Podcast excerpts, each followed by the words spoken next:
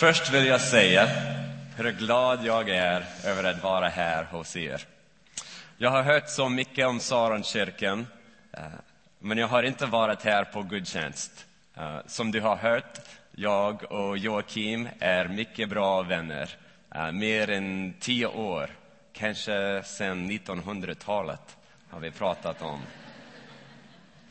Vanligtvis är vi tillsammans i Chicago när han kommer för Willow Creek Leadership Summit. Men nu är jag glad att jag kan spendera lite tid här med alla er på hans hemmaplan. Jag ser också några bekanta ansikten här på Saren. Så även om jag är 7000 kilometer hemifrån, jag känner mig hemma. Ni har säkert noterat att jag kan prata lite svenska. Men jag tror att eh, jag inte är bra nog att göra hela prediken på svenska. Så eh, jag har frågat min ny vän eh, Josef om han kunde tolka. Så tack så mycket. Du pratar utmärkt svenska.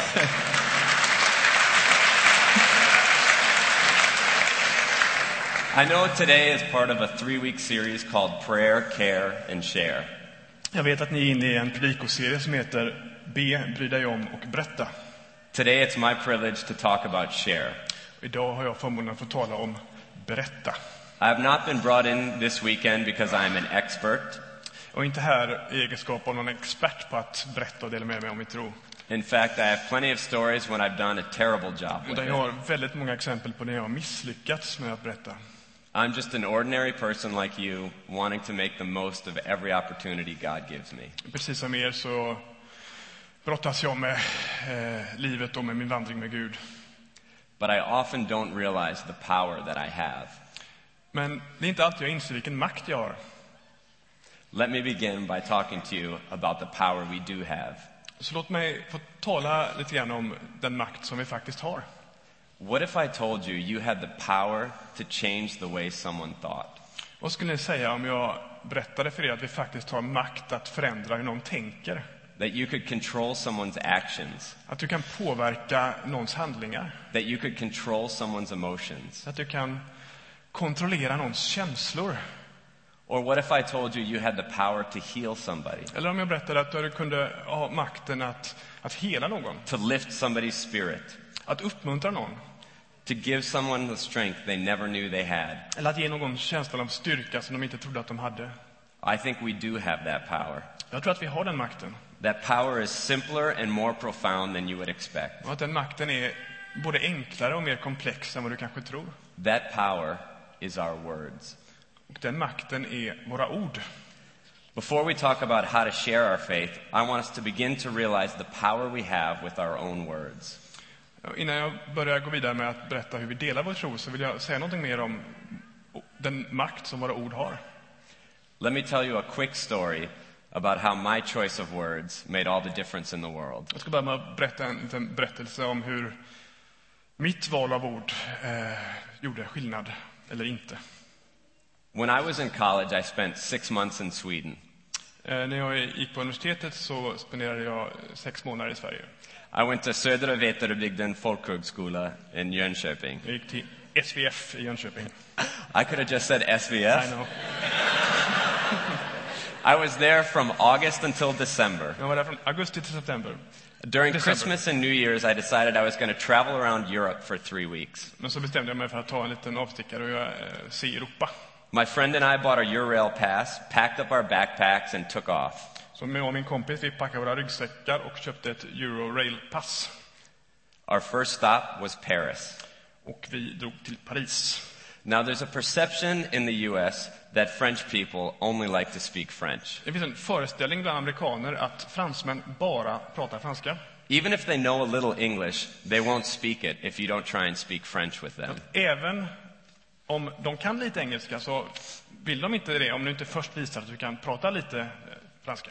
And they especially won't speak English to Americans. Och de är synnerligen bestämda på att inte prata engelska med amerikanare. So my friend and I devised a brilliant plan. Så jag och min kompis kom på en riktigt smart plan. If Parisians were more open to speaking English with non Americans, then we weren't going to be Americans. Så om, om nu Parisbor var motvilja till att prata engelska med amerikanare så kanske det var en smart idé att inte vara amerikan. We were going to be Swedes. Vi skulle bli svenskar. So here's what happened. Whenever we needed directions, I would just go up to someone and say, Ursäkta mig, men kan du prata svenska? Så, så fort vi var lite vilse och behövde vägvisning så gick vi, upp till en, gick vi fram till en parisare och frågade på svenska då, ursäkta, kan ni prata svenska? Every time I did that, I would just get a weird look. Jag bemöttes förstås oftast då med en väldigt besynnerlig blick. So then I would say in French, Parlez-vous suédois? Och sen drar jag då på, på franska, och äh, pratar ni svenska? And they, would, and they would realize what language I was speaking before. Och då förstod de ju omedelbart vad det var för konstigt språk jag hade pratat först. And they would say no. Och de svarade vanligtvis nej. So then I would say, Parlez-vous anglais? Och sen frågade jag då på franska, pratar ni engelska? And they would say, a little bit, un petit peu. Och då svarade de, ja lite grann. So then they would begin speaking English with me since they thought I was a Swede trying de to communicate with them. välvillig engelska med mig eftersom de då trodde att jag var svensk. But of course, when I spoke English then, I needed to speak with a little bit of a Swedish accent. Så att då behövde jag ju upprätthålla illusionen om att jag var svensk. Jag behövde prata engelska med svensk brytning. One time I did this, I got into a very long conversation with a very nice Frenchman. Vid ett tillfälle så hamnade jag i en ganska lång, eh, långt samtal med en väldigt trevlig fransman. And by the end of the conversation, I forgot that I was supposed to be Swedish. För att vid slutet, det blev så trevligt så jag glömde bort att jag var, eh, att jag skulle föreställa en svensk. And my Swedish accent completely disappeared. Så jag tappade min svenska accent. And before we parted ways, he said to me, Your English is amazing. Så innan vi, innan vi skildes åt så fick jag komplimangen att din, din, din engelska är verkligen fantastisk. So here's the point of that ridiculous story Så här är summeringen. Our choice of words makes a huge difference in how people perceive us. Vårt val av ord spelar en enorm roll för hur människor uppfattar oss. The words we use and how we use them let people know a lot about us. Orden vi använder och hur vi använder dem säger någonting väldigt väsentligt om oss. Before you even begin to share your faith, people will know a lot about you just based on the words that you say. Innan du ens får möjlighet att dela din tro så har folk bildat sin uppfattning om dig på basis av det språk och de ord du väljer att använda. The words we choose to use on a daily basis can either create many opportunities for us to share our faith or prevent us from ever having these opportunities. Orden vi använder och det språk vi använder kan förhindra oss eller skapa möjligheter för oss att få tillfälle att dela vår tro. I want to begin by talking about words that hurt and words that heal. Jag vill börja med att tala om ord som bygger upp och ord som sårar. How many words do you use in a day? Hur många ord använder du på en dag? People estimate that the average person uses 40,000 words every day. Man uppskattar att ungefär i snitt så använder vi ungefär 40 000 ord om dagen. Uh, now, sometimes I've heard that Swedes are known as people of few words. Det sägs att svenskar är lite fåordigare än, än andra. I heard a joke once, but I'm not sure it's going to be funny here. Jag har ett skämt som jag inte är säker på kommer uppskattas, men jag försöker ändå. Do you think I should try Yeah, it anyway? it, go for it. okay. A Swedish man loved his wife so much that one time he almost told her.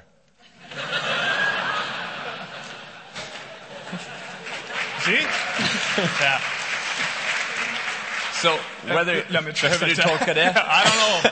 Maybe you better Yeah, not. probably yeah. En, en svensk man älskade sin hustru så mycket så att en gång så sa han det nästan.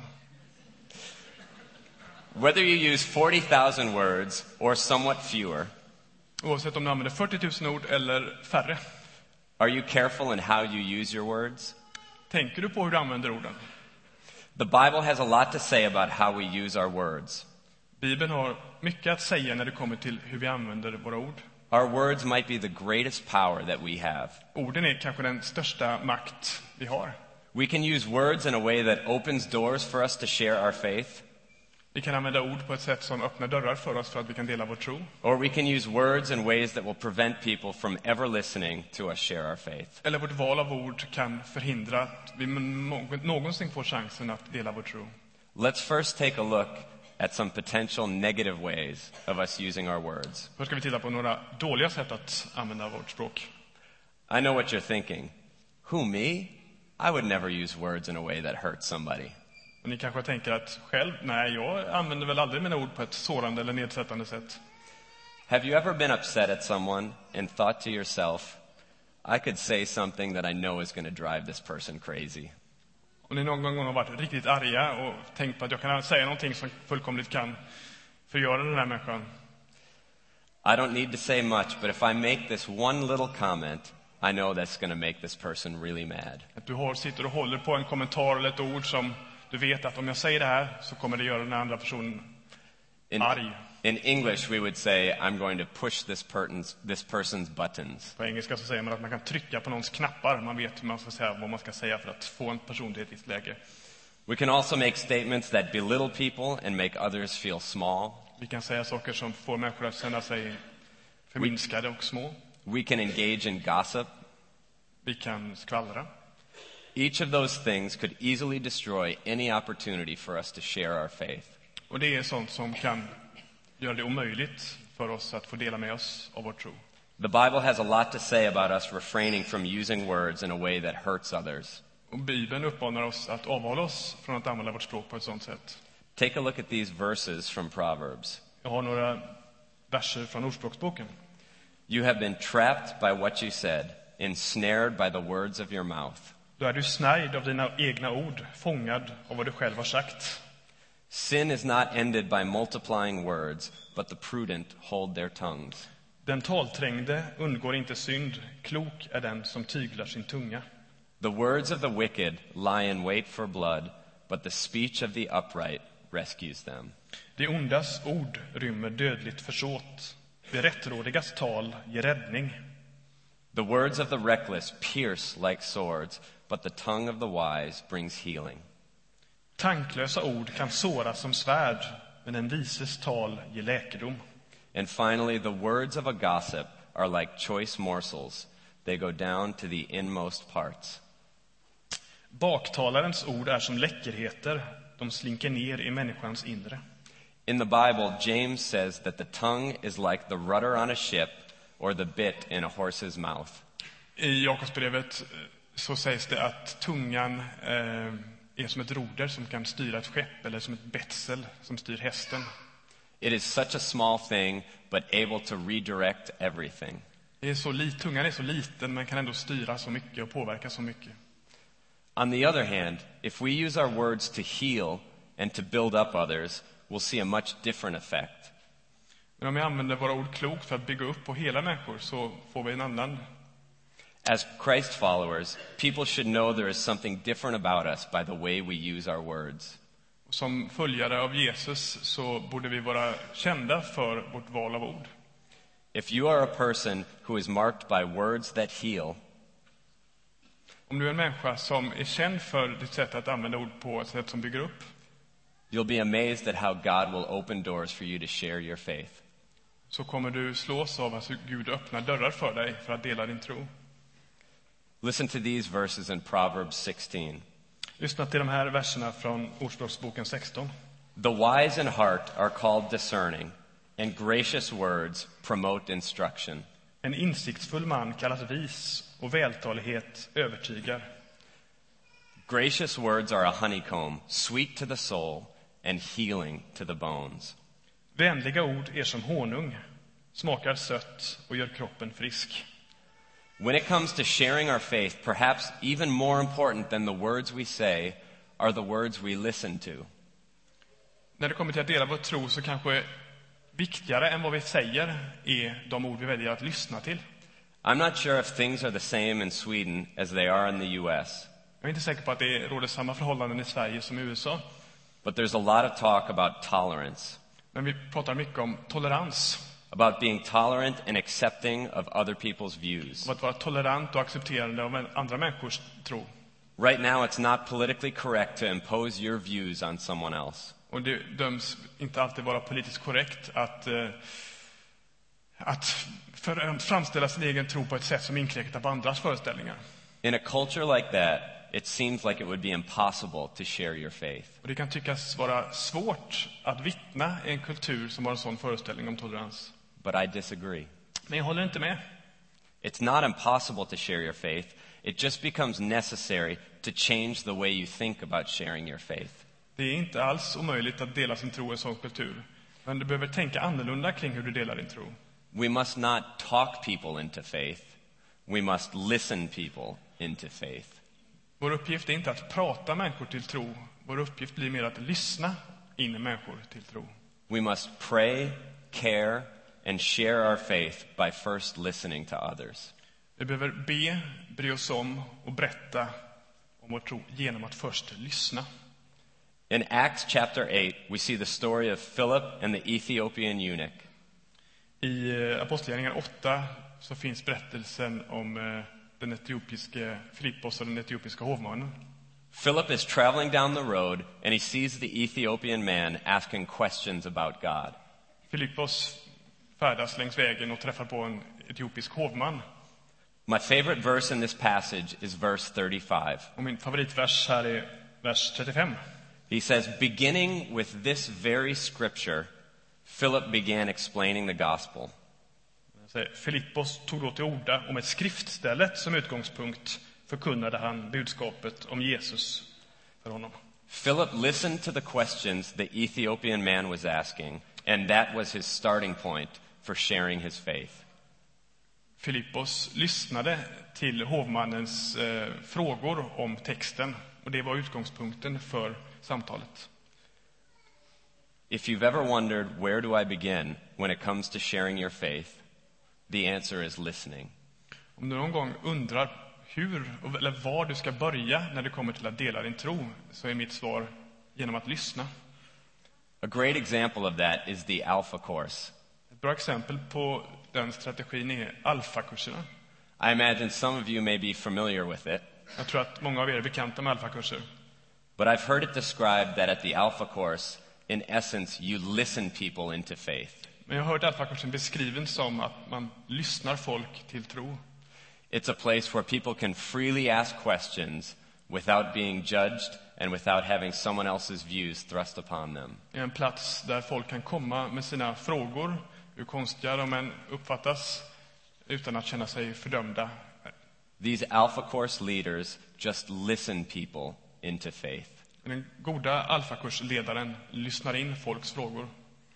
Recently, I was on a trip to El Salvador, and my host made an interesting comment. Jag var nyligen i El Salvador på en resa och min värd där gjorde en intressant kommentar. He said to do successful evangelism in El Salvador, För att lyckas med evangelisation i El Salvador you must have ears to hear and not convincing words that don't work. så måste man ha lyssnande öron och inte primärt övertygande ord. The more I think about it, this is the way it should work everywhere. Och ju mer jag tänker på det så tror jag att detta är en modell som funkar överallt.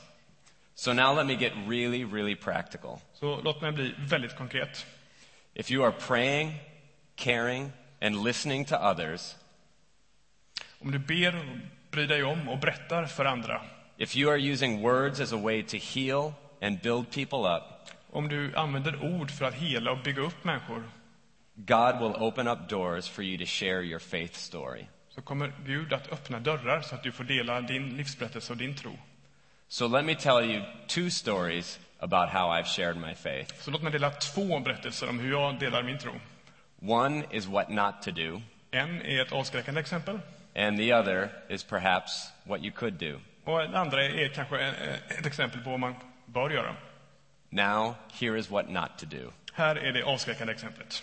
Several years ago, my wife was working in Hong Kong for a short period of time, För ett par år sedan jobbade min fru i Hongkong and I decided to go over and visit her for a couple weeks while she was working there. och jag var på väg över för att besöka henne för ett par veckor.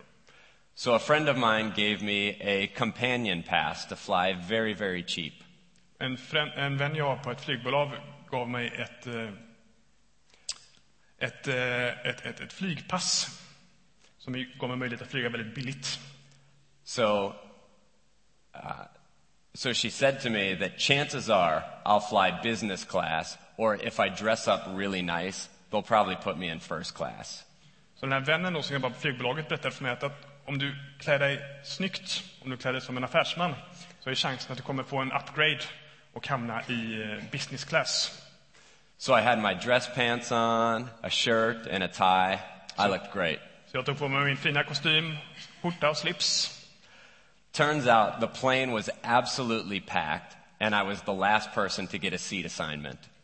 Men när jag kommer dit så är flyget överfullt och jag var den sista personen som de ropade upp som då skulle få plats på flyget.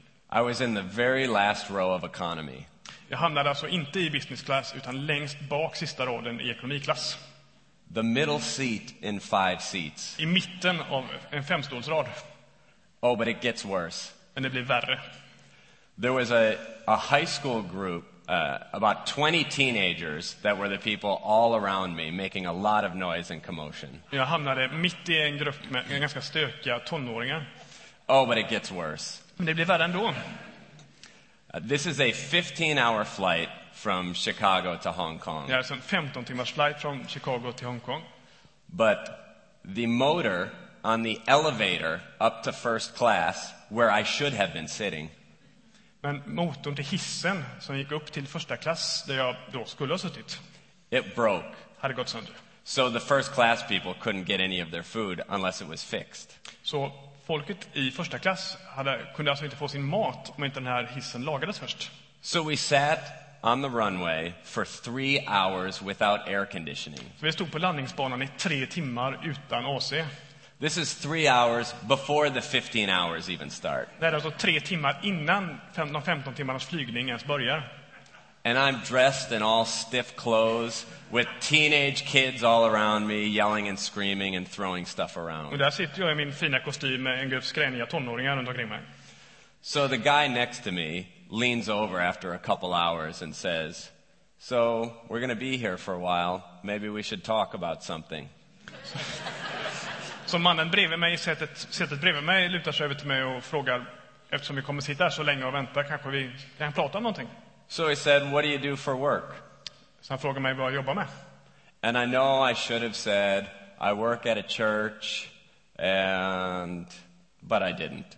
Och jag vet att här borde jag då varit smart och sagt att jag jobbar i en kyrka och sett det som en möjlighet att få tala om min tro. Men det gjorde jag inte. I was in a really bad mood, so I just said to him, I'm a musician. Jag var ganska trött och grinig så jag bara svarade kort, jag är musiker. I felt like I ought to ask him the same question, so I said, What do you do for work? Jag kände att formen krävde att jag då svarade på hans fråga med samma mynt och skulle fråga vad han jobbade med. And he said he worked in a church. Och han svarade att han jobbade i en kyrka. He said he was with his youth group and they were smuggling Bibles into China. Och att han var på resa med de här tonåringarna som var hans ungdomsgrupp i kyrkan och att de smugglade biblar in till Kina. He said that he was inspired to do this when he was attending a Willow Creek conference.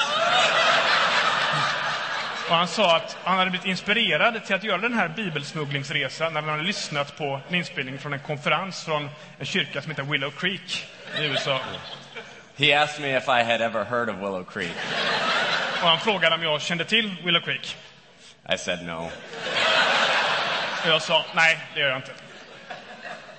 In that moment, I realized that could have been an incredible door that God had opened to me, and I just walked right by the door. Där insåg jag vilket, vilket fantastisk möjlighet jag just hade missat. Now, let me tell you another story that doesn't make me sound so bad. Låt mig berätta en historia där jag kanske framstår i något bättre ljus. I have a two year old daughter, and I live down the street from someone else who has a two year old son. Jag har en dotter som är två år och eh, nedför gatan så bor det en, en, en, en kille i samma ålder som också har ett barn i samma ålder. Over the last year or so, I've seen him at our neighborhood playground quite a bit. Och vi har träffats på lekplatsen i grannskapet.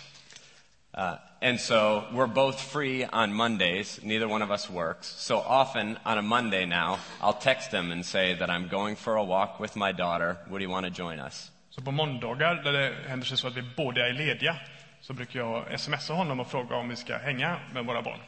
Over the last uh, several months, I've just talked to him quite a bit and heard a lot about his story, Så under ett antal måndagar så har vi pratat om livet. About his family, about his background, how he grew up. Om hans familj, om hans bakgrund, hur han växte upp och så vidare. And we've talked about church a little bit. He's been to church once or twice in his life, but uh, doesn't really know much of anything about God. Och vi har också pratat om kyrkan. Han har varit i kyrkan en eller två gånger, men men vet inte så mycket om kristen tro eller kyrkan. So a couple weeks ago, when I was attending our Willow Creek Good Friday service, Så för ett par veckor sedan när jag satt på, på påskgudstjänsten i, i vår kyrka, our pastor, Bill Hybels, during the announcements said, It's not too late to make an invitation for someone to come to our Easter service. under en gudstjänst, så, så talade Bill Hybels och sa att eh, det är fortfarande inte för sent om ni vill ta chansen att bjuda in någon till någon av påskgudstjänsterna. So I leaned over to my wife and I said, You know, I think I should probably invite Michael to come to church this weekend, my friend down the street. Så jag lutade mig över till min fru och viskade till henne att eh, jag skulle, jag skulle förmodligen bjuda in Michael, som min vän på lekplatsen heter. So my wife said, Why don't you text him right now and invite him to come? Så min fru säger, men texta honom nu. So I did. About, about five minutes later, during the Good Friday church service, my phone rang. Fem minuter senare så ringer min telefon mitt under en, en av påskgudstjänsterna. It was on vibrate, so it didn't really interrupt anyone. Den var på vibrationsläge, så det störde väl inte någon, men And as a general rule, I don't think it's a good idea to take phone calls during church. det är kanske ingen, egentligen inte någon jättebra idé att svara i telefonen mitt under gudstjänsten, men But I made a special exception, and I ran out the door and answered the phone. men jag gjorde ett undantag, eh, sprang ut och svarade. He said, Thanks so much for the invitation. We don't have any plans tomorrow. I think it sounds great. We'd love to come to church with you. Han svarade, det var som min vän Michael från, från, som, från lekplatsen, och han svarade tack för inbjudan, vi har ingenting för oss, vi kommer gärna. I don't think he thought anything all that special happened at church. Sorry, say that again. Uh, I don't think that he felt like anything all that special happened at church that day. När han kom så tror jag inte att han upplevde att det var något speciellt som hände. But he said he would love to come back again sometime. Men han sa att jag kommer gärna tillbaka. And the main thing that he said to me, Det viktigaste som han sa till mig var thanks so much for caring enough to invite me. tack för, att, tack för att du tog dig tiden och brydde dig tillräckligt mycket för att bjuda in mig. One of the things we say at Willow Creek is this En av sakerna som vi brukar säga på Willow Creek är detta. don't ever say someone's no for them. Säg aldrig någons nej åt dem, låt dem säga nej själva. Always have the conversation. Always make the invitation. Bjud alltid in, ta alltid samtalet. You never know what God will do. Du vet aldrig vad Gud har för planer. So when the time comes and you take the bold step of sharing your story, here is something to keep in mind. Så när tiden är mogen och du tar steget att dela din tro, här är något att tänka på. 2 Timothy 4:2 says this. Andra Timoteusbrevet. Preach the word, be prepared in season and out of season. Correct, rebuke and encourage with great patience and careful instruction. Andra Timoteus 4 och 2. Förkunna ordet, träd upp i tid och otid, vederlägg, tillrättavisa, vädja, tålmodigt och med ständig undervisning. I think we should each be able to share our faith in two different ways when the time comes. När det här tillfället kommer så tycker jag att vi borde ha åtminstone två sätt att dela vår tro på. I think we should each have a one minute version of our faith story to share with someone else. Vi borde alla ha förberett liksom en enminuts presentation av vårt tro. And I think we should each have what I might call a fika version of our story. Och vi borde också ha en, en, fik, en lite längre fika-variant av vårt vittnesbörd. Because when you have the opportunity to share your faith, do not be afraid like I was on the plane to Hong Kong. För när chansen väl kommer, var då inte så rädd som jag var på planet till Hongkong. Be bold, be prepared, Var modig och var förberedd. and share your story with confidence. Och dela din berättelse med självförtroende. Someone recently said to me You don't need to bring Jesus to anyone. Någon sa till mig nyligen, du behöver inte, du behöver inte ta Jesus till någon. You just need to help people discover how Jesus is already working in someone's life. Du behöver bara visa för dem hur Jesus redan verkar i deras liv. Just help people have eyes to see what is already true. Ge dem redskapen att se vad som redan är sant. If you are praying for others, Om du ber för andra, if you are caring for others, om du bryr dig om andra, if you are using your words in a way that heals, om du använder dina ord på ett sätt som bygger upp och helar, if you are listening people into faith, om du lyssnar människor till tro, then God will open doors where you can help someone beginning with their unique questions. så kommer Gud att använda dig med utgångspunkt från deras frågor. It's not up to you, Det handlar inte om dig ytterst. it's up to God. Det handlar om Gud. You just need to be caring enough to listen to someone's story Du behöver bara bry dig tillräckligt mycket för att lyssna och verkligen lyssna på någons berättelse. and bold enough to share your story. Och modig att dela din egen. The rest is up to God. Resten är upp till Gud. Amen.